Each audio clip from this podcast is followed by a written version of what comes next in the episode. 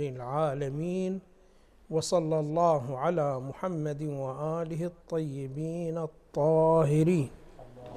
اللهم صل على محمد وآل محمد. اللهم صل على محمد وآل محمد.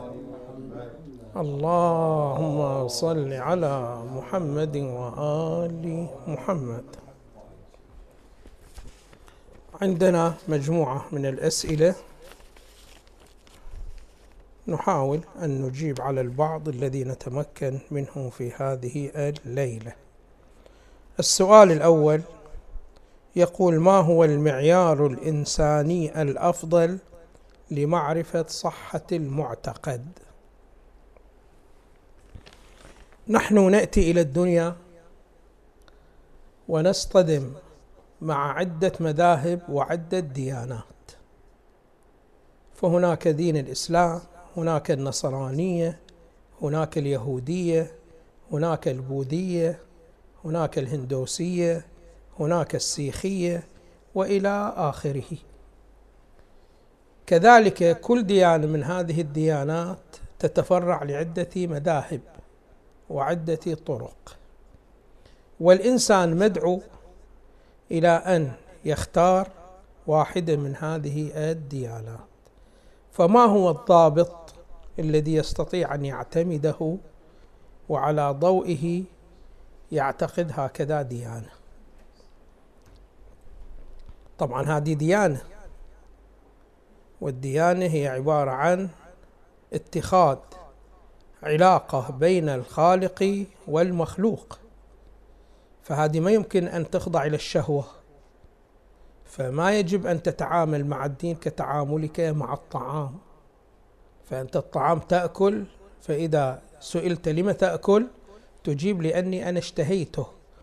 أما الدين مو بهذه الصورة. فما هو الضابط الذي يجب علينا أن نعتمده في اختيار أي طريقة من هذه الطرق؟ فهنا يقولون بأنه لا مجال للإنسان في تحكيم ضابط من الضوابط في هذا المجال إلا ضابط العقل. يعني ضابط البراهين وضابط الاستدلال العقلي.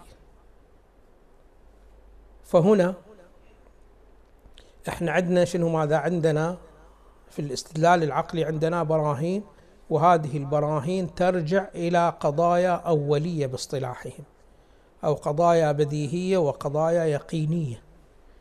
فالآن مثلا الإنسان عندما يأتي ويصطدم هناك مع اتجاهين اولا في الأساس اتجاه ملحد يقول لا مبدأ للكون وبالتالي لا دين واتجاه هناك يقول لا هناك مبدأ للكون ويجب على كل إنسان أن يتدين يتخذ دين من الأديان. فهنا ماذا يصنع؟ هنا يرشد إلى دليل عقلي. لابد أن يستند إلى الدليل العقلي. فهنا يقوم شنو ماذا؟ يحلل نفسه فيرى نفسه بأنه ينقسم إلى حيثيتين إلى حيثية وجود وحيثية إنسانية. والوجود زائد على الإنسانية بدليل أنه في الأزمان الماضية لم يكن موجود ثم وجد. فهناك من بدأ ابتدأ وجوده. فيبحث عن هذا الذي ابتدأ وجوده. فهذا إذا بحث بالأدلة العقلية الصحيحة يصل إلى الله سبحانه وتعالى. ثم يبحث عن صفات الله سبحانه وتعالى وهكذا شيء فشيء فيتكون شنو ماذا؟ مفردات الدين. فإذا ما يمكن أن نختار أي دين من الأديان إلا عن طريق العقل. لماذا؟ لأن هذا الدين المفروض أنك تحصل به العلم تحصله على نحو العلم تعلم به وعلى نحو اليقين. فما يمكن هنا أن تقلد فتقول أبي متدين فأنا متدين. لا هذا ما ينفع. أو تقول أنا عشت في مجتمع متدين فأنا شنو دام متدين؟ لا. أو أنا أشتهي ويعجبني أن أنتمي إلى دين معين هذا لا كله ما ينفع. الذي ينفع هو دائما وابدا هو الاستدلال العقلي. فهنا تستدل عقلا وتسمع كلمات الذين يستدلون عقلا على هذا المعنى. عند ذلك يمكن أن تختار شنو ماذا الدين. فاذا لا يمكن أن نختار دين إلا من منطلق الاستدلال العقلي والدليل شنو ماذا العقلي. وعندنا علماءنا رحم الله الماضي وحفظ الله الباقين تعرضوا لهذه المسألة. فأنا أنصح الإخوة الشباب بأنه يطالعون كتب إلى الشيخ جعفر سبحاني في كتاب العقائد عنده جدا جيد في هذا المجال. سلس ومكتوب بلغة اليوم وبسيط شنو ماذا فهمه. فإذا لابد شنو ماذا من الاستدلال العقلي. أي استدلال آخر غير استدلال العقلي أو أي طريقة أخرى تعتمد في هذا المجال ما تكون شنو ماذا مجزية. لابد من البحث عقلا عن مبدأ للكون. هذا هو شنو ماذا السؤال الأول. السؤال الثاني. هل يمكن أن تكون المكاشفات والبركات الروحية دليلا على المعتقد الحق أم لا. مثلا يأتيك شنو ماذا شخص من الأشخاص ويريد شنو ماذا أن يتدين. فإذا شاهد بعض الظواهر الروحية من بعض الأشخاص مباشرة شنو ماذا؟ يصير أسير لهذا الشخص ويتبع الديانة التي يتبعها هذا الشخص مثلا شخص من الأشخاص عنده شنو ماذا؟ قدرة على أن يخبرك بما يدور في ذهنك وما تكنه في قلبك فيخبرك به. فمباشرة أنت شنو ماذا تقتنع بالدين الذي هو عليه وتتخذ له تتخذ هكذا دين. أو مثلا شنو ماذا شخص من الأشخاص يعمل أعمال هذه الأعمال غير ممكنة لسائر البشر. فأنت شنو ماذا تتخذ هذا الدين؟ هذه الطريقة هل هي صحيحة أم لا؟ يقولون لا هذه الطريقة ليست بصحيحة. فإن الدين يعتمد على مجموعة من المفردات مثل هذه المفردات لا تثبت بكذا أمور روحانية وإلى آخره. فإن الروحانية إذا صدرت من عند شخص من الأشخاص ليس هو دليل على حقيته في كل مفردات دينه. لا هي ما تصلح شنو ماذا كدليل. ولذلك يقولون بأن المعجزات الذي جاء بها الأنبياء هي ما تصلح أن تكون دليل على كل مفردات الدين خصوصا المفردات الأساسية. فما بالك شنو ماذا بالقضايا الروحية التي هي موجودة عند الآخرين الذين هم غير أنبياء؟ كيف؟ شوفوا الآن إحنا عندنا النبي صلى الله عليه وآله جانا بعدة مطالب وبعدة مدعيات. فجاءنا بأن الله سبحانه وتعالى موجود. وجاءنا بأن الله سبحانه وتعالى كلفه بنقل رسالة منه إلى البشر. وجاء بأيضا أن الله سبحانه وتعالى هو الإله لا إله إلا هو. فجاءنا بالتوحيد الربوبي والتوحيد العبودي والتوحيد في الفاعلية والتوحيد في الخالقية وإلى آخره من التوحيدات. فهنا عندما يأتي بمعجزة من المعاجز هل المعاجز تنفعنا في إثبات التوحيد؟ يقولون لا التوحيد له دليل ودليله عقلي. ما يمكن أن نتبنى أي دليل شنو ماذا غير هذا مسألة العقل. كان المعجزة شنو منفعتها؟ المعاجز التي جرت على أيدي الأنبياء لأجل شيء واحد فقط. عندما يأتي هذا النبي يدعي بأن يأتيه وحي من الله سبحانه وتعالى. وهذا الأمر جدا شنو هذا غير معتاد بين البشر. أن الله سبحانه وتعالى يرسل وحي إلى شخص من الأشخاص هذا غير معتاد من البشر. فهنا النبي يقول أنه مو بس هذا عندي غير معتاد للبشر هم عندي شنو ماذا أشياء أخرى غير معتادة للبشر. وهي ما يقوم به في مقام الإعجاز. فمثلا النبي صلى الله عليه وآله وهو على الأرض يشق القمر وهو على الأرض يأمر النخلة وهي مزروعة هناك يأمرها أن تأتي هنا تأتي النخل إلى هنا. من غير واحد شنو أن يحفر إليها ويرفعها من الأرض ثم يحفر إليها ثانيا ويزرعها. لا مو بهي الصورة. وإنما يدعوها فتأتي. هذه شنو ماده معجزة أمر خارق للعادة. لماذا هذا؟ شنو منفعة هذا الأمر الخارق للعادة؟ لأنه هو ادعى أمر غير معتاد هو خارق للعادة أن الله سبحانه وتعالى يرسل له رسول يقول له بلغ هؤلاء الناس هكذا اللي هو الوحي. فيقول فيقول بأنه إحنا أنا مو فقط هذا الشيء ليس معتاد مني صحيح أنا وياكم بأنه هذا الشيء شنو؟ هذا ليس معتاد. ولكن مو بس هذا عندي شيء ليس معتاد هذا أيضا شنو هذا إتيان بالنخله هنا أيضا شنو هذا غير معتاد. وعندهم قاعدة عند العقلاء يقولون حكم الأمثال فيما يجوز وما لا يجوز واحد. فإذا جاز هذا الأمر غير المعتاد وأنتم تشاهدونه وهو مجيء النخل إلى هنا وشق القمر فيجوز ذلك أيضا الأمر شنو ماذا؟ غير المعتاد. فاذا شنو ماذا؟ المعاجز هذا الغرض منها. أما أنه المعجز يثبت بها التوحيد لا التوحيد له دليل عقلي. وكذلك وجود الله سبحانه وتعالى له دليل عقلي. صفات الله سبحانه وتعالى لها أدلة عقلية. فهذه وظيفة شنو ماذا وظيفة المعجز. فإذا كان المعجز بهذه الصورة وبهذا النحو في الأنبياء ما يثبت المدعيات؟ فما بالك في غير الأنبياء. التوحيد يحتاج له دليل والمعجز شنو هذا؟ ما يفيد. وكل أمر شنو هذا روحي ما ينفع في هذا الجانب. في مس في نبي من الأنبياء في السابق الله سبحانه وتعالى بعثه إلى قوم من الأقوام اضطر النبي بأن يخوض حرب مع هؤلاء المشركين الذين أرسل لهم. هؤلاء المشركون عندهم بعض العلوم إذا دخلوا في أي معركة مع هذا النبي فإنهم يهزمون النبي. مرة مرتين شنو هذا بهي الصورة.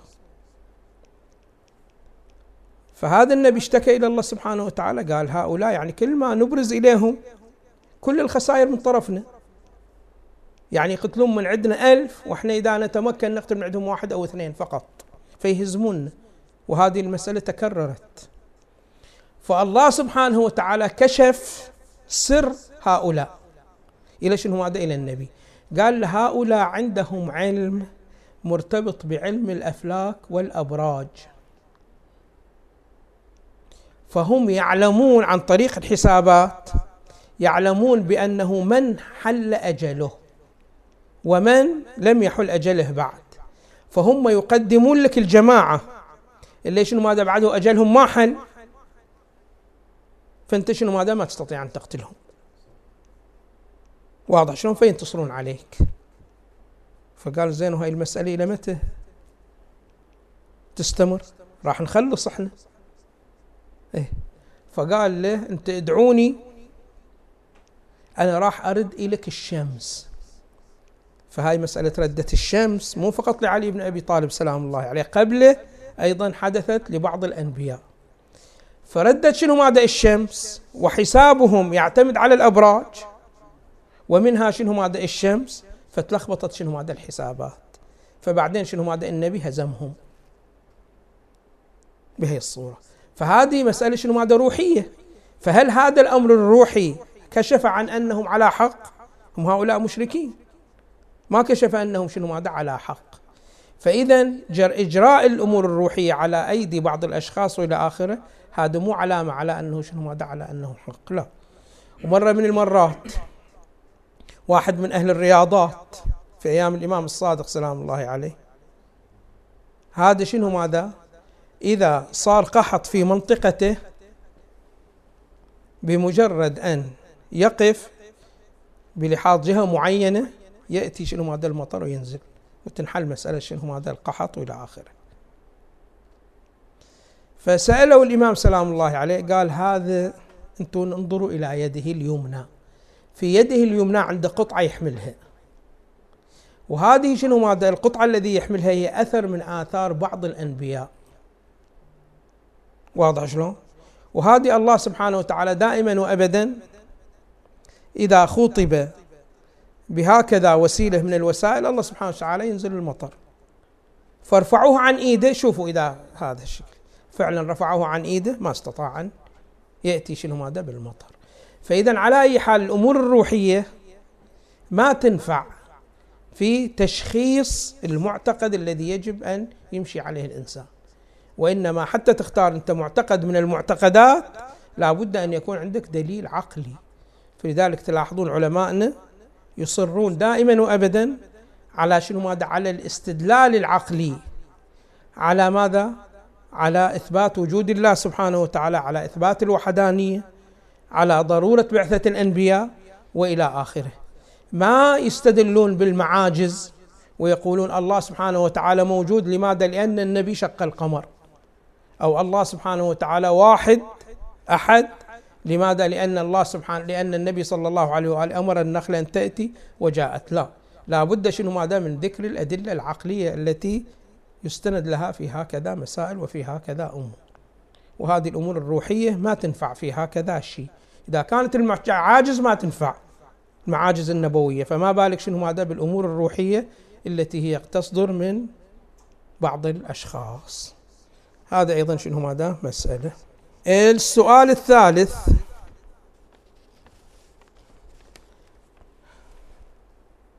هل تحول العبادات إلى عادات؟ يفقد العبادة جوهرها أم لا؟ عندنا بعض الأشخاص وهذا السؤال مرتبط بأسرار العبادات وهو من الموضوعات المهمة. بعض الأشخاص قد يأتي بالفعل عن عادة متمحضة بحيث لو ارتفعت فائدة الفعل ما يستطيع هو أن يترك الفعل. أتذكر عندنا أحد الزملاء كان دكتور في مستشفى بعض المستشفيات. كان عنده اثنين من الممرضين يشتغلون في المستشفى قبله وتقاعد فيما بعد. 35 سنة اشتغلوا وتقاعدوا. بعد التقاعد ما تركوا المجيء إلى المستشفى. يوميا يجون ويقعدون شو ماذا على الكرسي يقعد في المستشفى على الكرسي. إذا واحد جاي يريد قسم معين يدلونه إذا مضيع أو شيء وهذا يقعد إلى نهاية الدوام ثم بعدين ينسحب. يقول يوم الأيام أنا قعدت وياهم اثنيناتهم قلت لهم شنو ما عندكم شغل. شيء أنتم خلاص تقاعدتون بعد عندكم يوميه جايين له؟ قالوا اعذرنا إحنا 35 سنة معتادين على أنه انجي شنو ما دهنا. فأنت الآن تريد نقطعها ما نقدر. قال روحوا مسجد روحوا اقرأوا قرآن روحوا اقرأوا شيء روحوا هذا قالوا شوي شوي. ما نقدر شنو ماذا نقطع المجيء شنو ماذا المستشفى 35 سنة. بهي الصورة. فهذا شنو ماذا يأتي إلى المستشفى الآن مو على حساب يحصل راتب. هو راتب التقاعدي يمشي له جاء أم لم يأتي. ولكن لأنه اعتاد المجيء فهذا يؤدي الفعل عن شنو ماذا؟ عن عادة محضة. هذا شنو ماذا؟ قسم من الناس. وقسم آخر لا يؤدي الفعل. والفعل وصل إلى حد العادة. ولكن مو بحيث لو زالت الفائدة يبقى شنو ماذا؟ مستمر على الفعل. لا. وإنما شنو ماذا؟ باعتبار أنه استمر على هذا الفعل سنوات كثيرة. جدا جدا. فالآن شنو ماذا؟ ما يترك الفعل ما يقدر يترك الفعل ولكن مو لأجل أنه شنو ماذا؟ استمر عليه وإنما لأجل أول ما عمل هذا الفعل عمله لأجل دليل دعاه لهذا الأمر ولأجل فائدة هكذا دعاه. هذه العادة سهلت عليه الائتيان بهذا الفعل الآن بحيث الآن لو قيل له بأنه خطر ما عليك يترك شنو هذا الفعل؟ مثل شخص من الأشخاص. من عمره 15 سنة بدأ شنو ماذا يصلي. إلى صار شنو ماذا عمره 50 سنة مرت عليه 35 سنة. يعني شنو ماذا بعد يتقاعد عن الصلاة. واضح شلون؟ هذا شنو ماذا حسب الوظيفة الشرعية لابد أن يستمر على شنو ماذا على الصلاة. يكون شنو ماذا يصلي. إلى أن يدركه الموت. أو يرتفع عنه شنو ماذا قلم التكليف. فهذا عندما شنو ماذا 35 سنة ثم شنو ماذا وصل بعدين هم؟ إلى السبعين السنة صارت شنو هذا 55 سنة. ففعل أنت تأذيه 55 سنة بلا إشكال شنو ماذا؟ العادة هنا إليها دور بعد. يصير شنو ماذا فيك؟ عادة بلا إشكال. شئت أم أبيت. ولكن يقولون هذه العادة شنو ماذا؟ مسهلة للإتيان بالفعل. بحيث أنت لو جاءك أمان من الله سبحانه وتعالى خلاص بعد. إحنا اكتفينا صليت انت الآن خمسين سنة خمسة وخمسين سنة كافي خلاص انتهى بعد لا تصلي. انت شنو ما ما راح تصلي. فالعادة بلا إشكال لها تأثير وهو شنو؟ أنها تسهل هذا الأمر. ولكن هنا دائما عندنا شنو ماذا مسألة معينة لابد أن نلتفت إليها وهي مسألة شنو ماذا أسرار العبادات. وأنتم تلاحظون في الأحكام الشرعية عندنا بعض الأحكام الشرعية إذا أردنا نفلسفها إنما هي من واحد من أهدافها أن لا ترتبط أنت بالعبادة ارتباط عادة. لا وإنما ارتباط شنو؟ ماذا؟ واعي بمعرفة ضرورة والسبب الذي يدعوك إلى هذه العبادة. فما تكون شنو؟ ماذا؟ على العادة. مثلا عندك شوفوا إحنا الآن القرآن الكريم يحمل المعارف الإسلامية. الله سبحانه وتعالى كلفنا بقراءة القرآن إلى أن شو ماذا؟ إلى أن نموت. يعني شوف ما كلفك أنت بالقراءة القرآن مثل ما كلفك بتكليف الحج. تكليف الحج قال لك شنو ماذا؟ مرة واحدة على المستطيع أن يذهب إلى شنو ماذا؟ إلى الحج فقط مرة واحدة. ولكن القرآن ما قال لك تعال فقط اقرأ شنو ماذا؟ مرة واحدة. لا. وإنما قال لك شنو ماذا؟ خلي لك برنامج يوميا هكذا آية يكون تقرأها. فدائما تحاول تطرق قلبك بمن؟ بالمعارف القرآنية. دائما بهي الصورة وبهذا النحو. ليش؟ لأن المعارف القرآنية تبين لك لماذا هذه العبادات. فهذه العبادات ليست بطقوس وإنما لها شنو؟ ماذا أسباب؟ فلاحظوا الآن مثلا مسألة الركوع. أنت عندما تركع لماذا تركع؟ هناك حقيقة خارجية. الله سبحانه وتعالى يريدك وانت راكع أن تستذكر هكذا حقيقة. خب ما هي؟ أنت الآن عندما تنظر إلى الواقع الخارجي تلاحظ هيمنة إلهية عجيبة على الواقع الخارجي. بحيث أي شخص من الأشخاص إذا أراد أن يعمل أي عمل من الأعمال لا بد أن يحترم القوانين الكونية. وهذا ما يفرق سواء كان مؤمن أو كافر سواء كان موحد أو شنو ماذا أو مشرك. فأنت الآن شخص من الأشخاص يريد شنو ماذا يصنع سفينة حتى تمشي شنو ماذا في البحر. لا بد عليه شنو ماذا أن يحترم شنو ماذا القوانين الذي أودعها الله سبحانه وتعالى في الكون. واضح شلون؟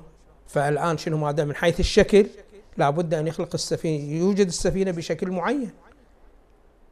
أي من ناحية؟ من ناحية المعادن الذي يختارها. إلى شنو ماذا إلى بناء السفينة لابد أن تكون شنو ماذا بنحو معين. وإلى اخره كثير من القوانين لازم يحترمها. مثلا الطيار إذا أراد شنو ماذا المهندس الطيران إذا أراد أن يصنع طيارة وهي الطيارة شنو ماذا تطير في الجو. لا بد أن يحترم قوانين الضغط الجوي لا بد أن يحترم قوانين الجاذبية. واضح شلون؟ قوانين الكتلة وإلا شنو ماذا؟ الطيارة ما راح تطير. فهذه شنو ماذا؟ الكل خاضع إلى الله سبحانه وتعالى من حيث التكوين. الآن شنو ماذا الله سبحانه وتعالى يطلب من عندك في العبادة التشريعية؟ يعني في الصلاة أن تستحضر هكذا معاني. فأنت عندما تركع إلى الله سبحانه وتعالى لماذا الركوع؟ حتى تستذكر لأنه الكل في الخارج راكع تكوينا لله سبحانه وتعالى الكل. ما في فرق بين مؤمن وكافر وبين مشرك وموحد. الكل يحترم القوانين الكونية في الخارج. فالله سبحانه وتعالى بالركوع يريدك شنو؟ ماذا؟ تستحضر هكذا مسألة. فإذا ركعت أنت وأنت مستحضر أنك تحيي هذا الأمر معناه أنه الفعل أنت ما راح تأتي به لأنه عادة وإنما إنما هو حكاية لواقع شنو ماذا خارجي. الآن مثلا السجود السجود يقولون شنو ماذا هو تواضع. الشخص حال السجود أمام الجمال الإلهي. وهذا شنو ماذا؟ الكل في الخارج هو شنو ماذا؟ يحترم الجمال الإلهي. ولكن ما يستشعر بأن هذا جمال شنو هذا؟ جمال إلهي. كما أنه ما يستشعر الهيمنة الإلهية. فهو مدعو حين السجود أن يستشعر هكذا جمال إلهي. ويقنع نفسه بأنه أنا ساجد واضح شلون؟ لله سبحانه وتعالى لأنه الإنسان دائما وابدا يتواضع أمام الجمال ولا جمال في الكون إلا وهو لله سبحانه وتعالى. فيستحضر هكذا شيء. وهكذا كل هي حركات الصلاة إنما هي حركات بهذه الأمر بهذه الصورة. فإذا الإنسان كان يأتي بهذه الحركات من منطلق كذا أمر فهذا معناه أن الفعل ما راح شنو ماذا؟ يتحول إلى عادة محضة. نعم الاعتياد راح يساعد في الإتيان بالفعل ولكن ما يحول إلى شنو ماذا؟ إلى عادة محضة بحيث حتى لو زالت الفائدة هو يبقى يمارس هذه العادة لا مو بهذه الصورة. وإنما شنو ماذا؟ هناك سبب له والعادة تسهل الاتيان بهذا الفعل. مو أنه تخرج شنو ماذا من؟ جعله أمر عبادي لغرض وأمر هادف إلى فقط شنو ماذا؟ عادة ومتمحض في العادة. فعلينا شنو ماذا؟ طبعا هذه أسرار العبادات من العلوم شنو ماذا؟ المهمة التي شنو ماذا ينبغي على العبد المؤمن أنه دائما شنو ماذا؟ يستذكر لماذا هذا الشيء. لأن هذا الأمر يبعد أن تأتي بهذا الفعل على نحو شنو ماذا؟ على نحو العادة. نعم الآن كثير من الناس يأتي بالركوع على نحو العادة ويأتي بالصلاة على نحو العادة. ولكن هي بسبب شنو؟ ماذا بسبب إهماله إلى التأمل والتفكر في أسرار العبادات. فإنه من يلتفت إلى هذا الأمر لا ما تكون شنو؟ هذا العادة الاتيان بالعبادات عادات محضة. وإن أتى بها شنو؟ هذا لمدة آلاف السنين. فعلينا أن نلتفت إلى هذا الأمر. نكتفي بهذا المقدار والحمد لله رب العالمين وصلى الله على محمد وآله الطيبين الطاهرين. اللهم صل على محمد وآل محمد.